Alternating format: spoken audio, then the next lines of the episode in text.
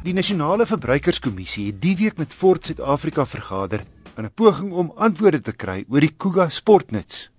36 gevalle is al aangemeld van Kugas wat aan die brand geslaan het, vermoedelik weens oorverhitting.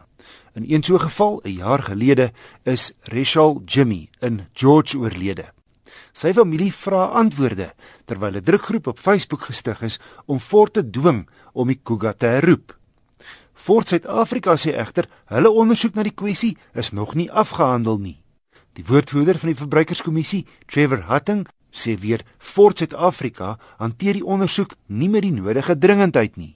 They then had a lengthy discussion informing us about the investigations that they are undertaking, two different separate investigations, and they actually informed us about 15 incidents. I'm hearing 36 now, and I read yesterday also about 36, but they only informed us about 15 of these incidents. And then we had to give them an opportunity to give us a full report on these investigations, the status thereof, and everything pertaining to these investigations and what they found so far. And what basically came out there is that none of these investigations are concluded. On the one investigation, they informed us, and that is the investigation where there was an unfortunate uh, fatality. They informed us that there's very important pieces of information that's outstanding that they're still getting from the police, etc. But insofar as the heating, overheating of engine investigation is concerned, they've not concluded this. And it is at that point that we decided that uh, we can't continue like this because how many more incidents are going to surface before something is actually going to be done? At that point, we decided that they need to put precautionary measures in place to mitigate occurrence of any further incidents and also they need to expedite their investigation and bring their reports to us so that we can actually review these reports and for that purposes we got experts such as the National Regulator for Compulsory Specifications and the Motor uh, Vehicle Industry Ombudsman that have the technical uh, capabilities to review and do investigations of this nature on their own.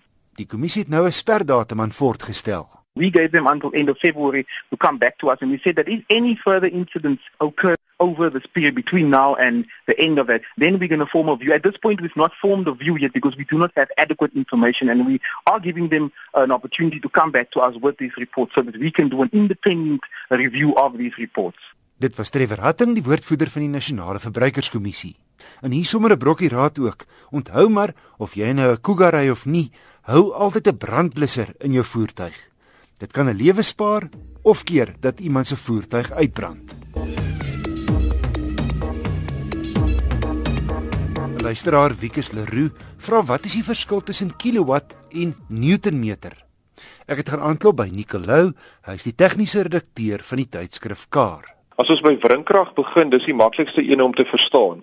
As mens dink aan wringkrag as krag, maar nie in 'n reguit lyn nie in 'n rotasie rigting. Nou wil ek 'n voorbeeld noem. Sien nou maar jy het 'n mineraal waterbottel en jy wil die prop afdraai. Dan moet jy 'n wringkrag op daai prop aanwend om hom af te draai. En as jy hom nie kan afdraai nie, dan gee hom gewoonlik vir die persoon langs aan en dan hoop jy daai persoon kan meer wringkrag as jy toepas om daai prop af te draai. So die voorbeeld wat ek wil sê is dis dis 'n krag wat jy in 'n in 'n rotasie rigting toepas. Nou wringkrag word gemeet in newton per meter.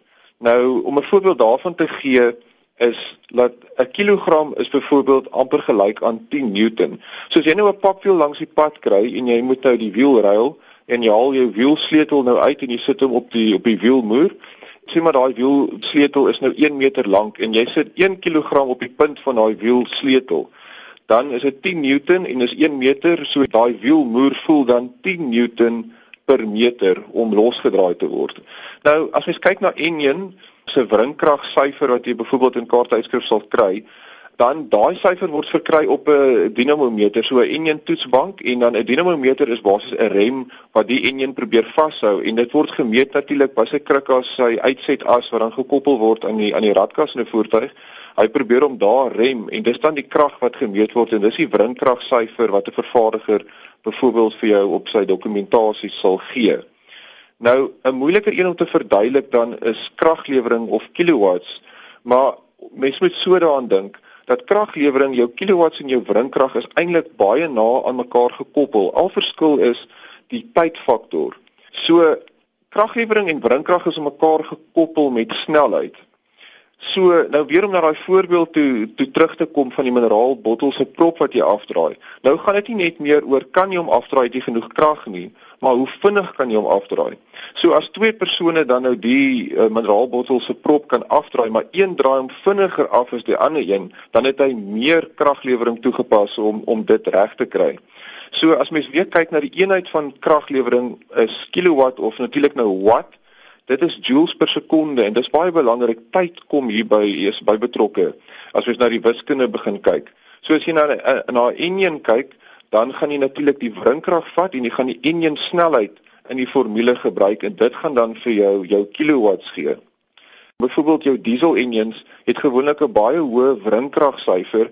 Die rede daarvoor is is dat jou silinderdrukke in 'n diesel engine is baie hoog en dit gee dan vir jou fisiese baie sterk krag wat dan die wrinkrag is wat jy dan ook kan meet op 'n dinamometer, maar ongelukkig kan 'n diesel en jy nie baie hoë toere bereik nie. So jou jou kilowatt syfer of jou kraglewingssyfer op 'n diesel enjin is gewoonlik laag.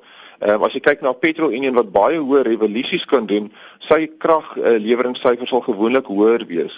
En dan net laastens om te sê, wat is dan nou vir mense belangrik? Nou, as jy kyk na sleepdoeleindes, dan moet dan gaan dit oor wringkrag. Dis hoekom hierdie groot vragmotors so aan net nie baie kilowatts nie, maar verskriklik baie wringkrag. Ja. Enige iets waar jy kyk na verrigting teenoor 'n horlosie. Dan praat jy van kilowatts of kraglewering. So as jy wil kyk na hoe vinnig 'n kar van 0 tot 100 of so kan bereik, dan is die kilowatt syfer die belangrike een om na te kyk. Nicolou, die tegniese redakteur van Kar. En wie kies ons op 'n ander geleentheid by jou turbo vraag uitkom? Enigiemand is welkom om oor enige motorverwante kwessie 'n vraag na my te e-pos. Die adres is wissel@rsg.co.za.